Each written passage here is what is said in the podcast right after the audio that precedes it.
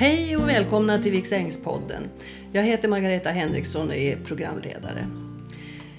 Viksängspodden kommer att handla om Viksäng, regementet I18, Västerås, Västmanland, förr och nu och lite till.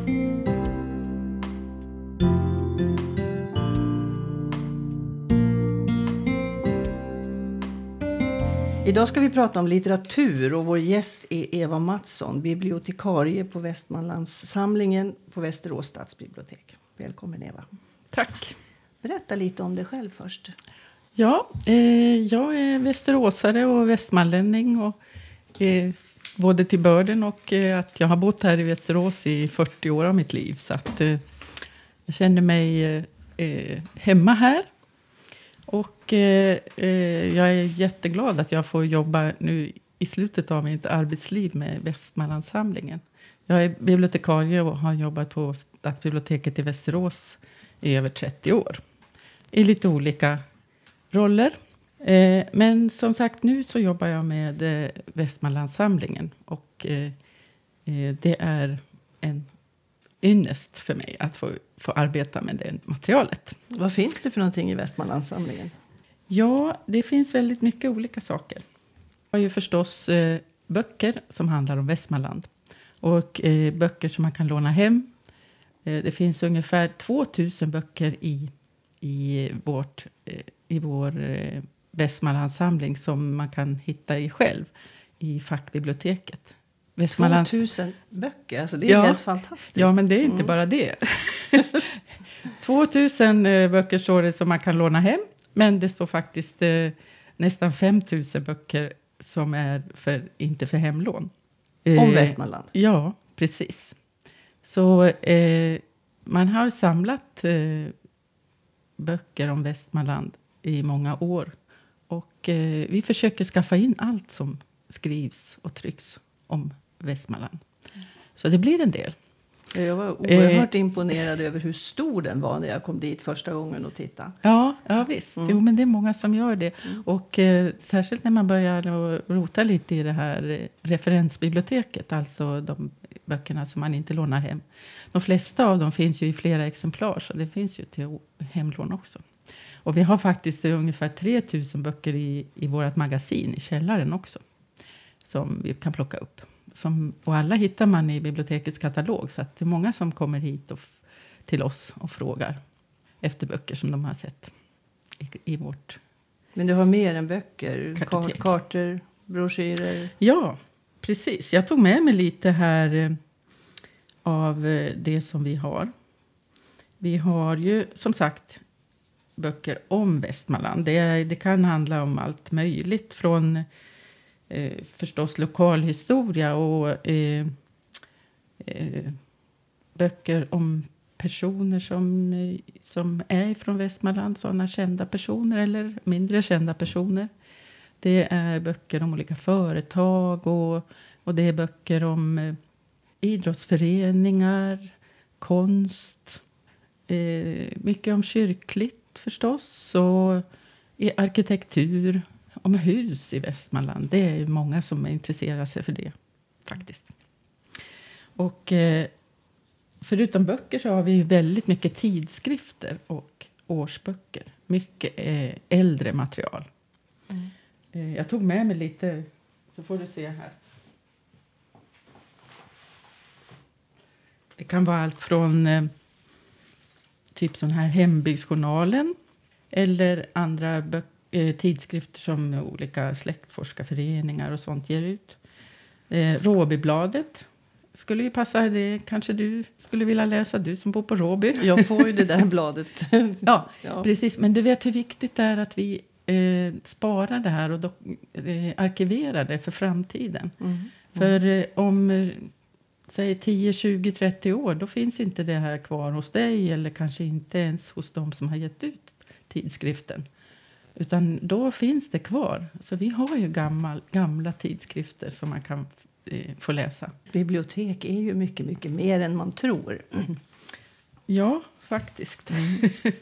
och sen har vi sånt här som eh, eh, medlemsblad från Amatörgeologiska sällskapet. Och vi har fåglar i Västmanland och och eh, ja, eh, om insekter och allt möjligt sånt. Mm. Många tidskrifter upphör ju faktiskt nu mera för att det kostar att ge ut tidskrifter och, och många sådana här föreningar de kanske gör sitt material digitalt. Mm. Men eh, det är en hel del faktiskt som kommer i pappersform. Och det, det är sånt som vi arkiverar och sparar. Sen tog jag med lite annat sånt här material som vi har. Vi har ju kartor.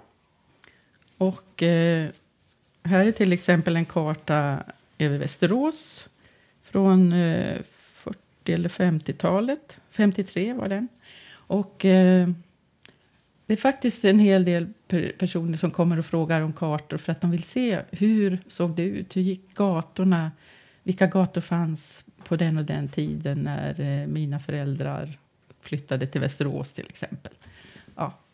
Vi har även riktigt gamla kartor, alltså sådana från 17 och 18 1700-talet kanske, eller 1800-talet. Men, men eh, sen har det ju kommit kartor under hela tiden. Och såna här stadskartor är faktiskt väldigt roligt att titta på. Mm. Det är kul bara att se annonserna som finns i samband med de här kartorna. Man ser eh, vilka butiker som fanns i Västerås och hur de eh, gjorde reklam och så. Mm. Det har inte förändrats. Alltid reklam. Ja, fast det är, det är en helt, helt annan stil på det. Ja, det är det ju. Eh, vi har faktiskt en, eh, en stor samling med eh, broschyrer också. Så eh, ända sedan 50-talet när eh, biblioteket vårt bibliotek kom till kan man säga. Man samlade ju flera äldre bibliotek till det här det som var nytt då, vårt stora fina tegelhus som, in, som invigdes 1956. Eh, efter det så, så satsade man ju på bibliotek i Västerås och man började att bygga upp den här Västmanlandssamlingen. Det är det som är stadsbiblioteket. Alltså. Ja, man kan säga det. Det hette ju Stifts och landsbiblioteket från början. Okej. För att eh, det var delvis statligt med en forskaravdelning kring vårt gamla, riktigt gamla stiftsbibliotek. Men sen lät man kommunen ta över ansvaret för alltihop. Och sen dess är vi stadsbiblioteket. Så det är kommunen som finansierar bibliotek? Ja, Mm. det är det. Det som vi säger folkbiblioteket, det är alltså stadsbiblioteket. Mm. Sen finns det ju också i Västerås ett, ett bibliotek på högskolan. Och det är ju ett statligt bibliotek. Mm. Men eh, som sagt så har vi ganska mycket broschyrer som vi har samlat sedan 50-talet. Och det är också väldigt roligt eh, att, att botanisera i. Vi tar fram mycket av det här när vi gör utställningar. Eh, jag, jag tog med mig, vi har till exempel turlistor för buss och tåg och färjor och allt möjligt. Och det, det är ganska intressant faktiskt att titta i såna här turlistor från, eh, ja det kan vara äldre än så, från 30-40-talet också. Mm. En turlista det kastar man ju bort liksom när säsongen är över. När de byter turlista Precis. så kastar man ju den gamla. Ja, absolut. Men ni har dem kvar. Ja, Vad kul. och eh, vi gjorde en utställning nyligen om, eh, om järnvägsstationer. Och då tog vi fram lite turlistor från eh, eh, um, eh, tågen mellan Västerås och Stockholm. Och då såg man att eh, i början av 1900-talet så tog det ju gott och väl mer än två timmar att åka till Stockholm. Eh, och sen så, så kunde man också se på lite mm, vartefter hur, hur de här tågtiderna förändrades. Hur lång tid tar det idag? Ja, det, det ska ju i alla fall ta min, lite mindre än en timme. Mm. men, men eh, på den tiden var det ju väldigt många fler stopp och det är klart att det tog mycket längre tid Mm. att ta sig. Här tog jag med också en, ett sånt här revyprogram, såna här program från olika teater och eh, konserter och, och revyer. Och det, det är jättekul att titta i de här. Eller turistbroschyrer. Här har vi en från Strömsholms kanal. Där man ser eh, en helt annan stil på eh, klädsel och eh, semestermode. Mm. Ja, det ser skönt ut. Men den här eh, som du pratade om nyss, Västeråsrevyn, Larsson kommer till stan, det var från 1959, nej, 1949 faktiskt. Ja, Mm. alltså Västerås eh, har ju haft eh, revyer, nyårsrevyer eh, under väldigt många år. Mm. Så att, och det har vi många av de programmen. Det är kul. Jag har faktiskt varit på en åtminstone. Jaha. Mm. Ehm, ja, vi har kartor och vi har, som jag sa, många äldre. Vi har ju mycket äldre material också. Men eh, det är ju många som forskar som är intresserade av just det äldre materialet.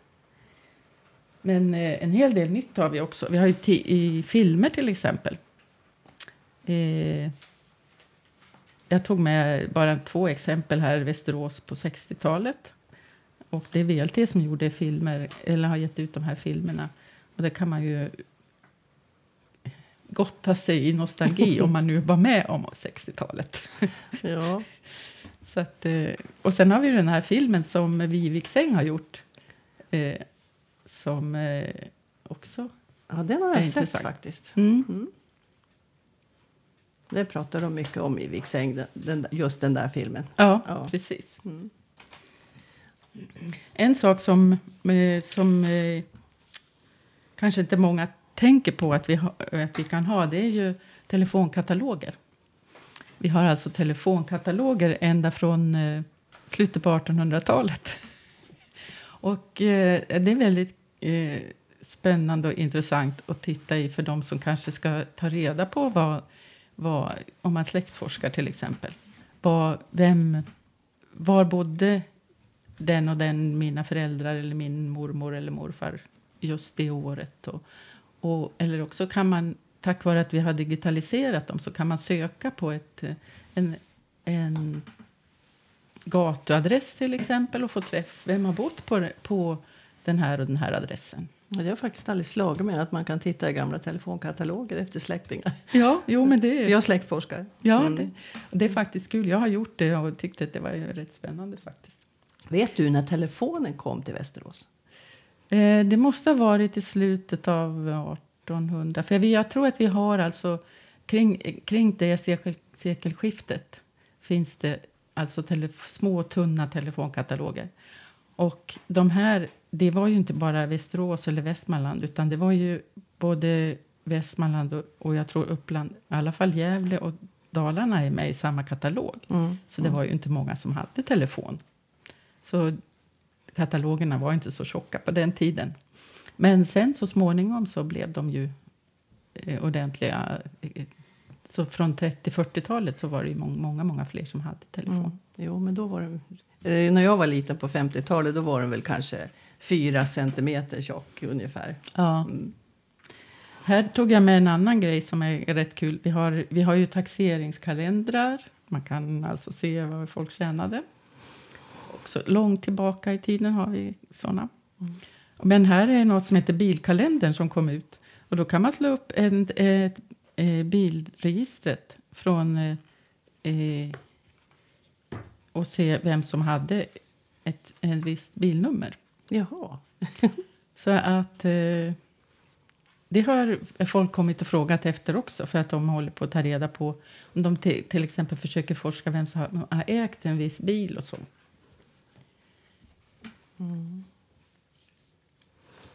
Här, Det är mycket som finns faktiskt Ja. som man inte känner till förstås. här finns det också gammal reklam. Kiosk och bensinstation. Ja. Den var från 1956 den här. Ja. Västerås heminredning. Och det är alltså alla som hade eh, registreringsnummer med eh, bokstaven U. Mm. Mm. Jag är ju uppväxt i B. Jaha, okej.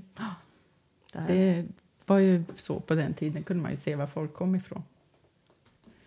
Ja, vi som hade B på bilarna då, vi vart ju mobbade av de som hade A. Ja, okej. Naturligtvis. Mm, mm. Jo, men det har man ju hört att stockholmarna svor över alla lantisar som kom in. Ja, vi var ju i vägen när de kom till landet. Precis. Mm. Och vilka är det som lånar böcker som handlar om Västman, Västmanland? Ja, eh, det är ju väldigt många olika sorts personer. Det är många som är intresserade av sin egen stad eller sin hembygd i, i största allmänhet. Eh, och de vill kanske läsa mer om det, ta reda på mer om det. Och i, ja, jag upplever att det finns ett väldigt stort intresse just för lokal historia och det som man kan knyta an till, det som man känner igen. Och en del eh, kommer för att de ska turista i länet. Alltså närturism, det är ju också inne. Mm, mm. Och man vill veta mer om kanske typ Sala silvergruva eller Strömsholms kanal eller, eller något annat mm, plats som man ska åka till. Studenter?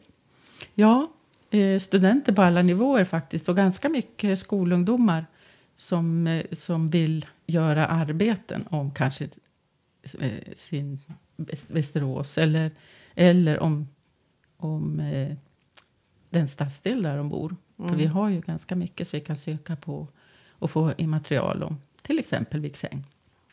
Vilken var den första förorten till, till Västerås? Du, det kan jag inte riktigt svara på. Det beror väl på hur man räknar förort. Men, eh, ja, men jag tänker på mm. Viksäng till exempel, mm. eller Råby. Eller... Mm. Jag skulle ju tro att det var de som var lite närmare då. Kanske Jakobsberg eller, eller eh, Skallberget. Ja, ja, det måste jag säga att det känner inte jag till. Och hur länge har ni hållit men, på? Men eh, i, i samband med kommunsammanslagningarna så, så kom ju många så kallade förorter till Västerås. Mm. Alltså Badelunda och Dingtuna och Irsta och, och så vidare knöts ju till Västerås. Det var ju egna kommuner tidigare. Mm, mm. Mm, hur länge har ni hållit på och samlat på böcker om Västmanland? Eh, ja, som jag antydde förut så började vi bygga upp det 1956 då när, när vi fick det nya stifts och landsbiblioteket. Och mm. då, då började man bygga upp själva lokalsamlingen. Mm. Och vilka är det som skriver böcker om Västmanland? Ja, det är ju förstås en hel del professionella författare Eh, men det är också väldigt många som är mer eller mindre amatörer. Eh, det är mycket hembygdsforskare och det är släktforskare. Det är historiker, det är eh, sådana som kanske är föreningsaktiva och vill skriva mera om det som de är eh, de kan om någonting om, så att säga. Mm. Och jag tycker att det är jätteviktigt att man dokumenterar. Så att jag brukar uppmana personer som jag träffar att är man intresserad av någonting så sätt igång och skriv om det eller dokumentera. För att eh, det som händer nu, idag, det kommer ju också bli väldigt intressant så småningom. Även, även om det kanske också är det just nu. Mm. Mm. Eh, så jag brukar säga till de som har ett speciell, specialintresse att Sätt igång och dokumentera och ge gärna ut det i bokform.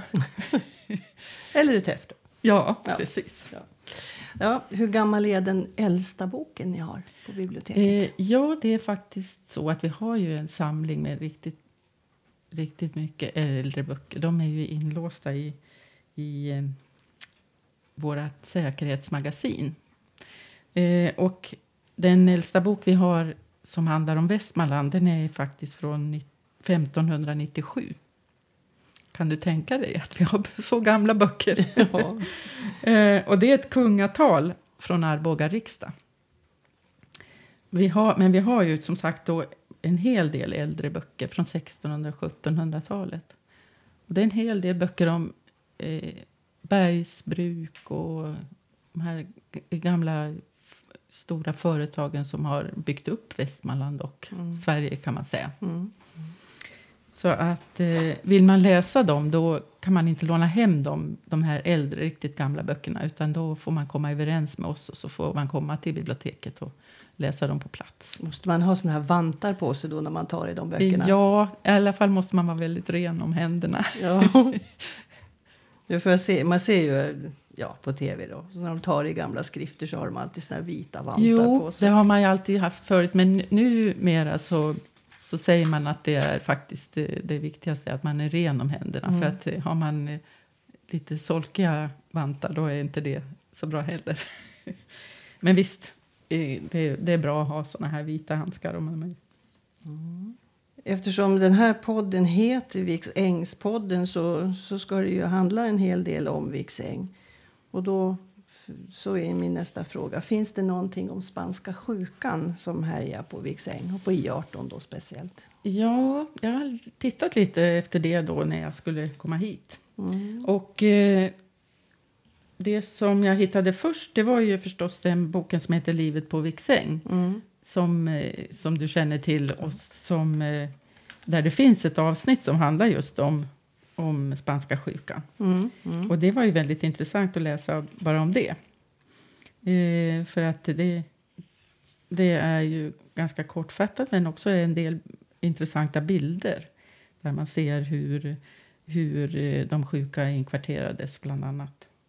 Och eh, bilder på de här sköterskorna som fick ta hand om alla sjuka Mm. eh, soldater. Och det där är ju bara amatörer som har framställt den här boken. Jag, tycker, jag har läst den och jag tycker den är helt fantastisk. Ja, visst är det. Ja. det, det är, såna här böcker är ju jätteviktiga och de används och lånas väldigt mycket. Och grejen är att de har ju alltså material till minst en bok till. Ja, ja men då tycker jag de ska se, se till att göra en sån. Eh, sen finns det ju lite mera, kanske lite mer vetenskapligt eh, dokumenterat om, om, eh, om spanska sjukan vid Västmanlands regemente har jag läst i en bok av Margareta Åman som heter Spanska sjukan. Och där eh, redogörs då eh, mera i detalj och lite mer statistik kring, kring spanska sjukan just på regementet. Mm. Handlar den boken bara om I18 eller är det generellt? Nej, den handlar om spanska sjukan generellt Mm. och sen eh, tar hon upp olika exempel. Mm. Men eh, och så det finns alltså ett, kapitel som heter Spanska sjukan i kasernerna. Det var ju inte bara här i Västerås utan det var ju på flera kaserner som spanska sjukan härjade. Men just spanska sjukan vid Västmanlands regemente är ett av exemplen. Jag vet om, i Östersund här är ju också spanska sjukan väldigt mycket Ja. på det regementet. Ja, precis. Så att eh, den kan man också hitta i vårt... Men all forskning man ser, allting, så, så hänvisar de ju just till den här kvinnan Margareta Åman. Ja, okej. Eh, jag känner inte till det, men det är antagligen så att hon har forskat särskilt Ja, jag mycket. tror det. Eh, det finns en annan bok som heter Skuggsidor, sjukdom, nöd och utanförskap i arkiven. Och då är det en person som heter Björn Jävert som har skrivit om spanska sjukan och Västmanlands regemente. Och eh, här så spekulerar man lite i också vad det var som orsakerna. Det gör väl förstås den här Margareta Åhman som vi pratade om tidigare också. Mm. Men eh, eh, det är inte en, en, det är en kort, ett kort avsnitt här. Mm. Mm. Men eh, eh, Det sägs ju att det var en soldat som kom ifrån eh, Värmland som var sjuk när han kom till regementet. Att det liksom, han var upprinnelsen till allting. ja, precis. Det finns väl lite olika teorier. Det var ju också så att det var ju väldigt många från Värmland som blev sjuka. Mm. Men det var väl också så att det var många av dem som kom från i mer ensliga byar. Och de hade inte haft någon typ av influensa så de hade inget motståndskraft. De kanske hade varit skonade från andra influensor. Mm. Och på så sätt var de mer utsatta då. Det var ju en jättestor manöver. Alltså det var ju under första världskriget. Ja, Och det, var ju, det skulle ju vara en jättestor manöver. Och läkarna sa att nej, ni måste ställa in manövern för det är någonting på gång. Nej, sa militären, vi ska ha, vi ska ha det här manövern. ja, Så att det kom ju massor med ja, ja, friska soldater som inte, helt enkelt inte kom därifrån. ja Med livet i behåll. precis. Vet du hur många det var som var, fanns där? För det var ju tusen som var sjuka vad jag förstår. Jag vet faktiskt inte hur många soldater det var för, som var förlagda där men jag vet att det var 97 personer som dog Ja. bara på regementet. Ja, precis. Däremot vet jag inte hur många det var i själva Västerås eller Nej. i Västmanland. Det finns ju en bok som heter Spanska sjukan, berättelsen om den stora influensaepidemin 1918 och jakten på det virus som orsakade den. Mm.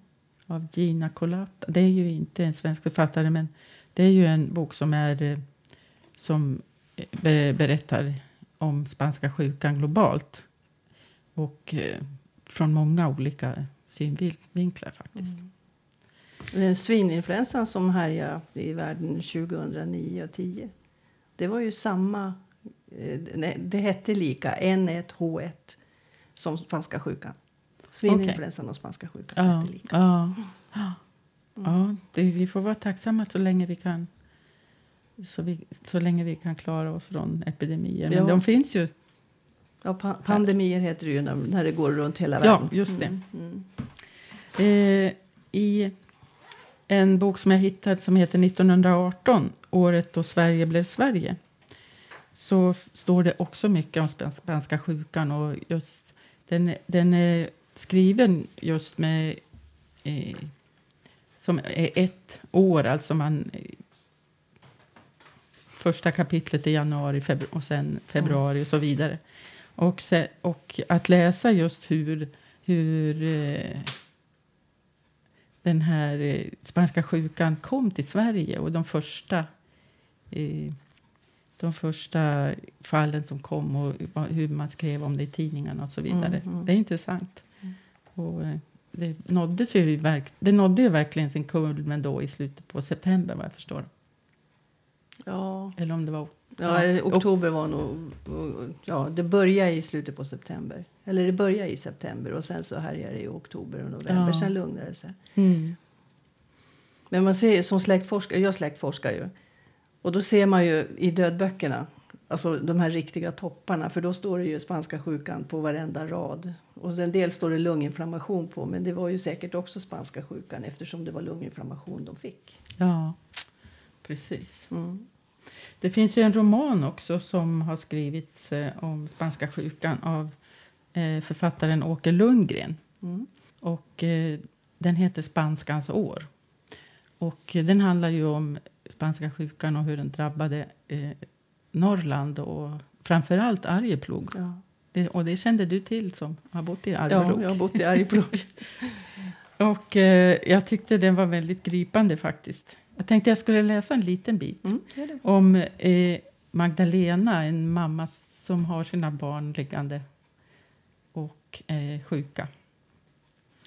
Och så var det ju så att de visste inte vad det var förstås från början. Men sen insåg de ju faran med det när de såg vad grannarna och andra Mm. drabbades av. Eh, när Stegdals bjällror ekade över Udjaure hörde Magdalena dem inte. Då låg nio av hennes barn sjuka i stugan. De spydde om vartannat, yrade i feber och grät.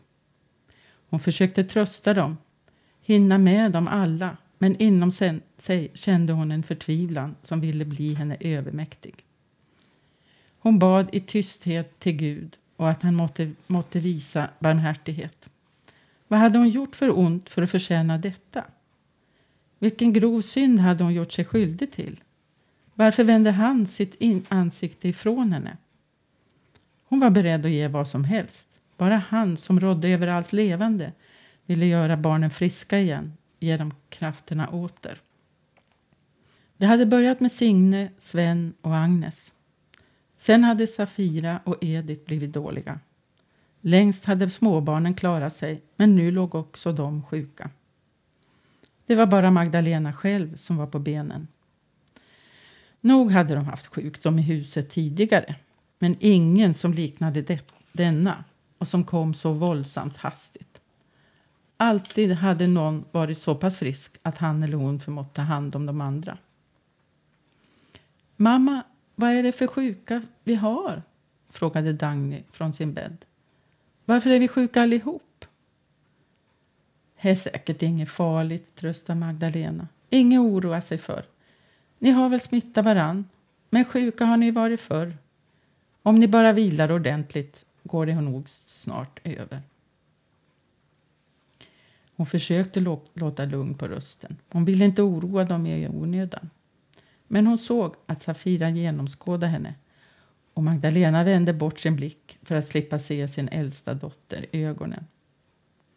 Hon tog reda på vad spyorna kom, hon tog reda på spyorna från barnens uppkastningar och försökte ge dem att dricka för att deras kroppar inte skulle bli alldeles uttorkade och mata dem med varm välling som var skonsam för magen.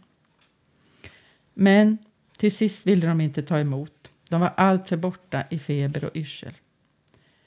Magdalena försökte tränga, förtränga den feber hon själv kände och intalade sig att det bara var oron som gjorde hennes panna brännande het.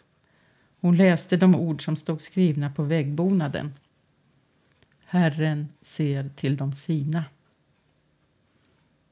Men när hon kände att hon inte längre förmådde hålla tillbaka, när allt hotade att välla upp inom henne, då gick hon ut i farstun.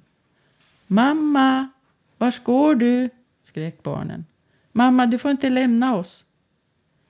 Hon orkade inte ens svara utan tog sig dit ut till kallfarstun och sköt igen dörren bakom sig. Och nästan genast spydde hon.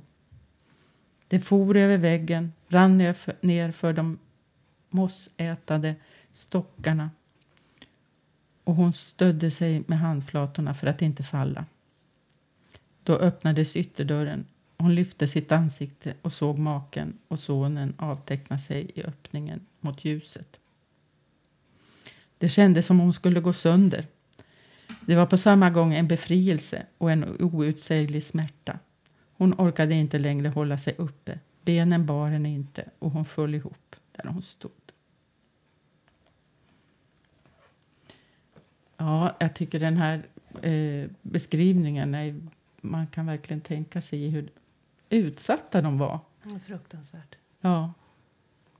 Och långt från hjälp var de ju också förstås, de som bodde det, det fanns ju ingen i hjälp. små byar.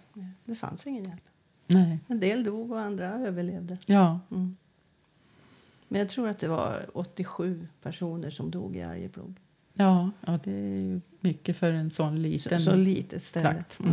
Ja. Eller, Mm. Jag har läst den där boken. Den är väldigt, väldigt rörande. mm. Mm. Det som jag också har hittat det är en del tidningsklipp. Vi, på biblioteket har vi ju mikrofilmer av gamla dagstidningar. Mm. Så att eh, man kan läsa eh, VLT ända från 1838 när VLT började komma ut. Eller om det var Fantastiskt. 1832, jag minns Ja. inte exakt. Men eh, eh, eh, det var väldigt intressant för jag tog reda på, tog fram just mikrofilmer från 1918. Mm. Så att, eh, eh, och där kan man följa under ganska kort tid ändå, eller hur? Det var från, från den 17 september fram till den 3, till den 3 oktober. Så, så eh, eskalerar ju verkligen den här epidemin just på regementet. Så första, första artikeln här i VLT eh, står det alltså 17 september, spanska sjukan på ny offensiv. Och då var det alltså ett halvt tusen, 500 sjukdomsfall på Eksäng. Mm. Men det var ju fortfarande inte, inte några dödsfall vad jag förstår. Kanske någon enstaka. Och eh, den 19, på den tiden kom VLT ut varannan dag. Mm. Den 19 september då står det att en värmlänning avled på tisdagen. Ja. Det var han som var beskylld för att ha dragit hit det. Ja, precis. Mm. Och eh, sen går det ju ganska fort. Eh, två dagar senare så är det nio nya dödsfall. Mm. På, ja, det var nio nya. Och sen några dagar senare igen 24 dö- dödsoffer. Så att... Eh, det var ju inte bara soldaterna som dog utan det var även läkare och Ja. Någon Precis. sjuksköterska. Ja, precis. Och det, ja, och det var mot slutet tror jag. Det var någon Mm. sjuksköterska som de skriver om här. 26 i september då var dödssiffran vid regementet 46. Flera nya dödsfall väntas. Mm. Och eh, de hade ju en gymnastikhall där som de gjorde om till sjukrum. Så att de lag ju in alla som var sjuka där. ja, Utom de som var direkt döende, de fick ligga på ett annat ställe. Ja, och Mm. till slut fanns det inte plats där heller vad jag förstod. Nej. Och epidemisjukhuset i Västerås var ju redan fullt av andra sjuka. Mm. Eh, det som är ganska intressant när man tittar i de här gamla tidningarna det är också att se vad står det mer i VLT. Och det var ju, man förstår ju, det var ju krigstid.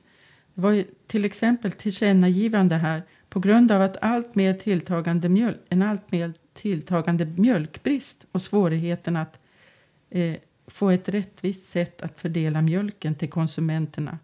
Var, eh, då, då alltså hade mejerierna efter samråd med Livsmedelsnämnden måste vidtaga den åtgärden att från och med den 1 oktober upphöra med all utlämning av mjölk i små flaskor till hemmen. Och i flera andra i annonser här efterlyser potatisköpare. Alltså det grundläggande, det var brist på allt. Och många annonser handlar om att det är förbjudet att jaga på den och den marken. Man förstår att folk var ute och gjorde allt för att hitta mat helt enkelt. Sen blev det ju, jag tror det var 1917, så blev det ju ransoneringar. Och då var det ju sed i första hand, alltså brödsed Ja. i första hand. Mm. Och sen är det lite mer lyxigt socker då. Det var ju ganska hårda ransoneringar. Och kaffe fanns ju inte överhuvudtaget. Nej, Det använde nej, ju surr. Ja. Och 28 september står det att eh, nöjeslokalerna slås igen. Mm. Då var det 20 nya dödsfall på Viksäng. Och här läste jag den 1 oktober. Eh, det tänkte jag läsa en lite större, lä- längre text här. Eh, jag tyckte det var ganska... 14 nya dödsfall sen fredag kväll. Ett par hundra friska hemsända. De skickade ju hem en del av eh, de eh, värnpliktiga också. Men eh, sen står det eh, det behövs sol för att bryta spanska sjukans livskraft och för att lätta sorgsna och tunga sinnen. Men också solen bär sorg denna höst. Dagarna är oftast mulna och regniga och kalla. Söndagen blev åter en regndag för första, av första ordningen jäckande förhoppningarna på en snart börjande brittsommar. Vid regementet lättar det alltid då solen lyser in genom fönstren. Det betyder mera ljus i sjukrummen, renare luft, rörelse ute för konvalescenterna. Och man ser lite hoppfullare på läget. Eh, spanska sjukans gastkramning liksom upphör ett ögonblick, både för dem som lida och för dem som vårdan, vårdade lidande. Med regnet och diset faller åter den tysta stämningen, den mörka dödsstämningen över det hårt prövade regementet. En dyster stämning präglade också staden i söndags. Det var en av de dödas stad, dag. Kyrkoklockorna ringde i ett. En halv timme till prins Eriks minne och många gånger om för andra döda, till tacksägelse eller jordfästning. Och för de levande vore alla nöjeslokaler, alla de vanliga ställena för nyttigt eller onyttigt tidsfördriv stängda. Endast kyrkor och enskilda möten stod då öppna för dem som behövde andlig rekreation. Det var ganska fint skrivet ändå tycker jag. Det kom ju som en chock för många där att även prinsar kunde dö av spanska sjukan. Ja, visst. Så att det, det slog hårt Mm. Mot alla schatteringar. Ja, Mm. det gjorde det. Så eh, ja, det var, var väldigt intressant just att få en bild av, av det här skeendet bara genom att läsa VLT-artiklar. Ja, det där är ju en riktig skatt, Ja, dina artiklar där. Du ska få ta dem med dig. Ja, det låter som det finns mycket intressant gammalt material som man kan hitta och se. Kommer det nya böcker om Västmanland också? Ja, det gör det förstås. Vi köper ju in nya böcker och vi får böcker ibland också. Mm. Så att eh, eh, varje år så... Och det är mitt jobb att försöka ta reda på hålla reda på vad allt som kommer ut om Västerås mm. och Västmanland. Så att det är väldigt kul. Och jag har tagit med mig några stycken som jag tänkte berätta lite om. Mm. Eh, en, eh, en, bo, en liten bok, eller ett häfte kan man säga, som kom ut nu eh, handlar om Rudbeckius. Johannes Rudbeckius. Eh, I år är det ju ett jubileum som du kanske har hört talas om. Det är 400 år sedan han tillträdde som biskop. Mm. Mm. Och Svenska kyrkan har gett ut den här skriften eh, som är både faktaspäckad och intressant faktiskt. Mm. Och väldigt mycket fint bildmaterial. Eh, och det ger en bild av, av Rebeckus. Han hade väldigt många strängar på sin lyra. Han var inte bara biskop och eh, överhuvud inom kyrkan. Han, han, eh, eh, han eh, startade ju, som många känner till, Rebeckianska skolan. Mm. Men han hade också mycket annat som, som han är, är eh, idégivare till. Den där utställningen i, i eh, domkyrkan den är väldigt fin och lärorik. Ja, och man kan också läsa om hans eh, hustru Malin. Malin ja. Mm. Eh, som också var väldigt drivande och aktiv i att eh, skapa ett modernt samhälle som det faktiskt blev genom till ja. exempel de skolor som man, och de utbildningar som man drev och satte igång. Och vi på biblioteket kan vara väldigt tacksamma för Rudbeckius gärning också för att han, han eh, utökade det här gamla kyrko, domkyrkobiblioteket med flera hundra nya böcker. Det var, och de finns ju kvar ännu faktiskt. Och det är väl han som är orsaken till att vi faktiskt kan släktforska idag också. Med ja. Eh, folkbokföring. Fast det hette väl inte riktigt så då. Precis. Mm. Så att det, eh, det är en... Eh, den här skriften kan man... Delvis har de delat ut den också från kyrkan har jag sett. Men vi kommer ju ha den kvar. Mm att kunna låna. Ja, den står ju i, i ställ på flera ställen i domkyrkan. Ja, jag har mm. sett det också. Mm. Men eh, som sagt, eh, den kommer att finnas kvar på biblioteket. Det är bra. Eh, en annan bok som är, har kommit under eh, för något år sedan, det här, den heter Horet i Hälsta. Och eh, det var väldigt intressant att läsa den. Eh, år 1685 då ställs en kvinna som heter Anna Persdotter från Hälsta inför rätta. Och Hälsta det är, det är en stor bondgård som ligger utanför Hallstahammar. Eh, lite bortom från oss sett, eh, strax norr om E18.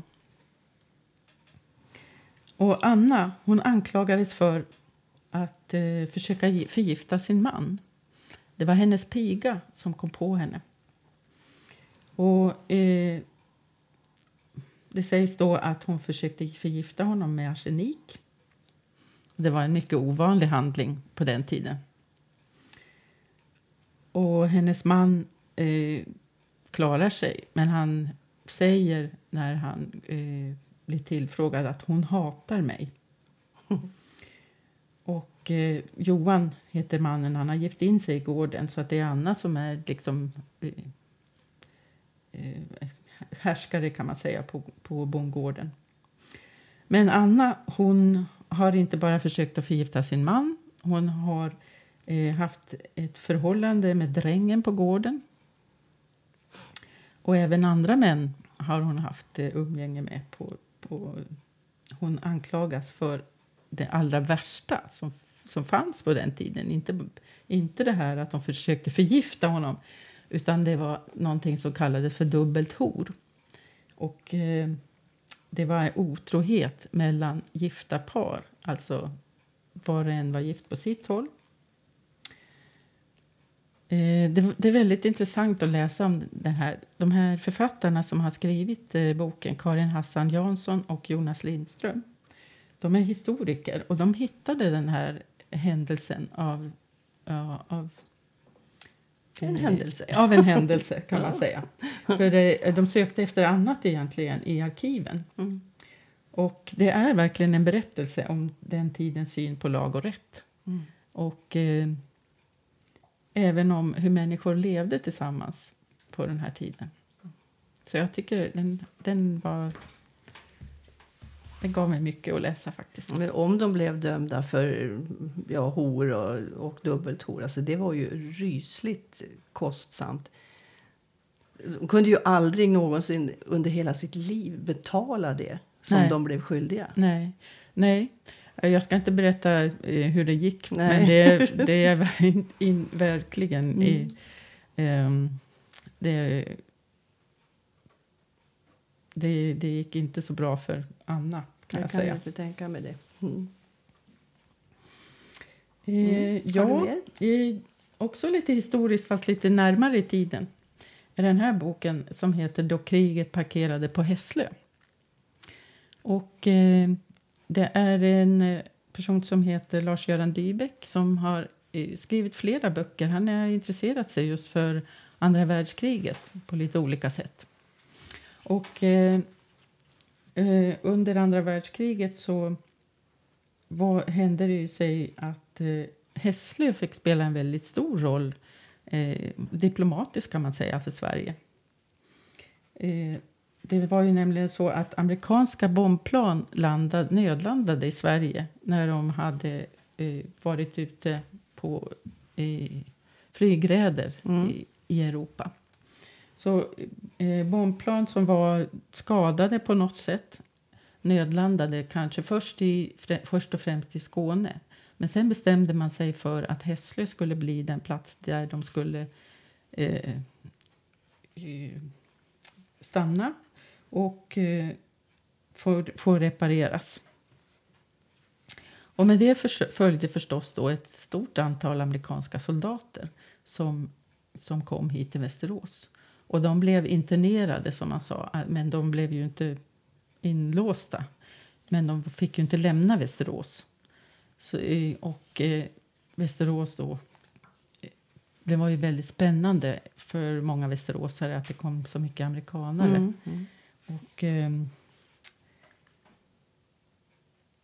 en del av dem hittade ju till och med kvinnor som de gifte sig med. Eller hade, en del kvinnor följde faktiskt med sen så småningom till USA också. Mm, Eh, hela den här historien kom att spela en, en ganska stor roll i det diplomatiska spelet mellan Sverige och USA. Och eh, Lars-Göran Dybeck han har ju samlat väldigt mycket bildmaterial framför allt från den här tiden och de här, eh, den här situationen. Mm. Just eh, mycket med, med flyg och flygplan förstås, men även eh, miljön då här från Västerås. Så det där eh, är väldigt intressant. Ja, mm. visst är det. Mm. Um, här har jag en annan bok som eh, heter Vilda Tidhem.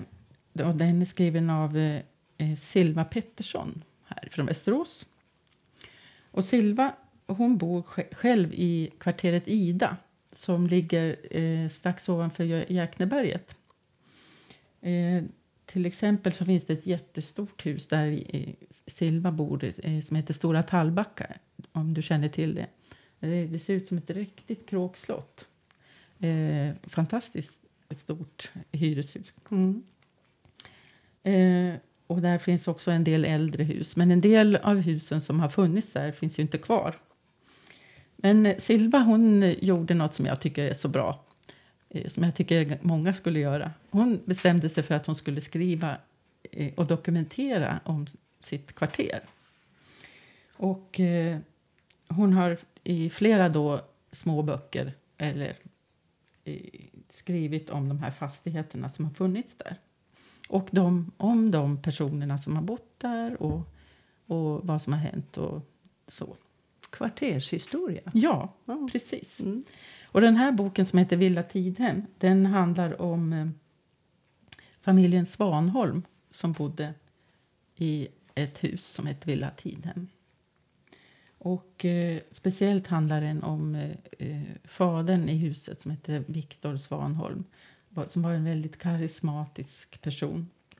Och eh, han var predikant och eh, han betydde en hel del just för frikyrkorörelsen i Västerås. Mm.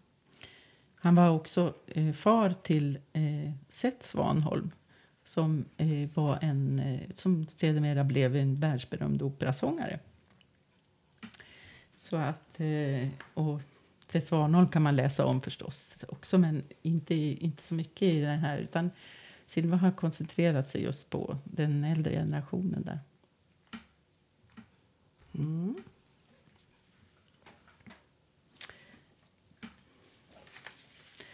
Ja. Det finns många riktigt roliga böcker just om, eh, om eh, lokalhistoria. Här är eh, en man som heter Stig Svärd som har vuxit upp i Skultuna. Och han eh, eh har dokumenterat eh, brukshandel i Skultuna från 1854 till 2006. Och eh, eh, det är jätteintressant att läsa om hur det var med brukshandel i, på 1800-talet. Då var det ju väldigt reglerat vilka det var som fick, som fick ägna sig åt handel. Mm. Men framför allt är den här boken intressant för att han har, dokum, eh, han har samlat bilder från eh, eh, olika eh, affärer och eh, livsmedelsbutiker fram, först och främst. Men sen allt som, som fanns i Skultuna under, under framförallt 1900-talet.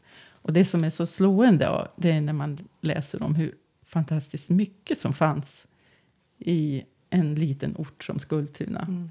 Alltså det fanns ju urmakare, det fanns eh, eh, cykelverkstäder, det fanns järnhandel förstås och det fanns resebyrå, det fanns flera bagerier och sen fanns det ett antal livsmedelshandelbutiker också. Det finns väl nästan ingenting kvar utav det. Nej, ja, det, det, är ju, det är ju inte en jätteliten ort så det finns ju kvar butiker i Skultuna men ändå. Eh, den mångfalden ändå Mm. som det fanns i ett litet samhälle Mm. på den tiden. Men det fanns ju i alla små byar så fanns det ju en matvaruaffär och en skomakare och Ja. lite allt möjligt. Precis. Ja. Men han har dokumenterat en hel del av det och det tycker jag det är en, en välgärning för framtiden också att det här finns kvar. Mm.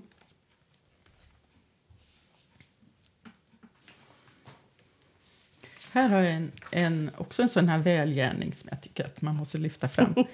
För att eh, eh, det finns två kvinnor som har skrivit och dokumenterat eh, just eh, medicinhistoria kan man säga. Med, medicinhistorias Historiska sällskapet med Västmannia är ju en förening som också har, eh, driver den här eh, lilla museet som finns vid, i gamla sjukhuset. Mm. Men de har, de har skrivit om, eh, om eh, olika eh, företeelser eller personer i, som, som inte finns kvar längre. Bland annat har de skrivit en skrift om Pila-Britta som var eh, en barnmorska som har förlöst i princip alla som var födda i Västerås under en ganska lång tid i, i början av 1900-talet. Mm. Mm. Men här har de nu skrivit om Aina Wifalk. Du känner till Aina Ja, jag, Wifalk? jag vet eller? vem hon är. Ja. Ja, men hon har ju varit ganska mycket okänd för väldigt många. Och eh, eh, trots att hon är ju en person som har, var väldigt, har betytt oerhört mycket och for, fortfarande gör förstås. Eftersom hon Ja, uppfann rullatorn. ja Mm. det kan man säga. Eh, hon var västeråsare och hon har ju fått en sån enorm betydelse och så okänd som hon är. Mm. Eh, hon var verksam som kurator i Västerås. Och hon var också själv polioskadad sedan 20-årsåldern. Så hon hade ju själv stora rörelsehinder. Mm. Eh, men hon hade en uppfinningsrikedom som är, är helt otrolig. Eh, och väldigt envis var hon också. Mm. Hon eh, lyckades övertyga en tekniker på landstinget där hon var anställd att göra en modell av en gåstol, som man kallar det då. Men det skulle vara på hjul och hon skulle kunna hålla den med sina båda händer. Hon skulle kunna ha en liten korg där hon kunde lägga eh, det hon behövde. Hon skulle kunna ha en liten sits som hon skulle kunna sitta på och vila. Mm. Och eh, den första eh, prototypen var inte så, inte så jättebra. Utan hon, fick, hon tänkte själv ut de här förbättringsåtgärderna. Och sen så fick hon medel för att hon skulle kunna, eh, för, ja, från utvecklingsfond och så vidare. Men eh, hon gav sig inte. Och när hon dog faktiskt ganska ung vid, i, på 80-talet. Jag tror hon var 55 år eller någonting sånt. Men, eh, men den, den rullatorn som man, som man eh, faktiskt använder idag den, det var ungefär det som hon lyckades utveckla. Det har inte hänt så mycket sen dess. Utan hon var verkligen den som, som utvecklade rollatorn. Hon fick väl en egen gata, eller är det en gränd?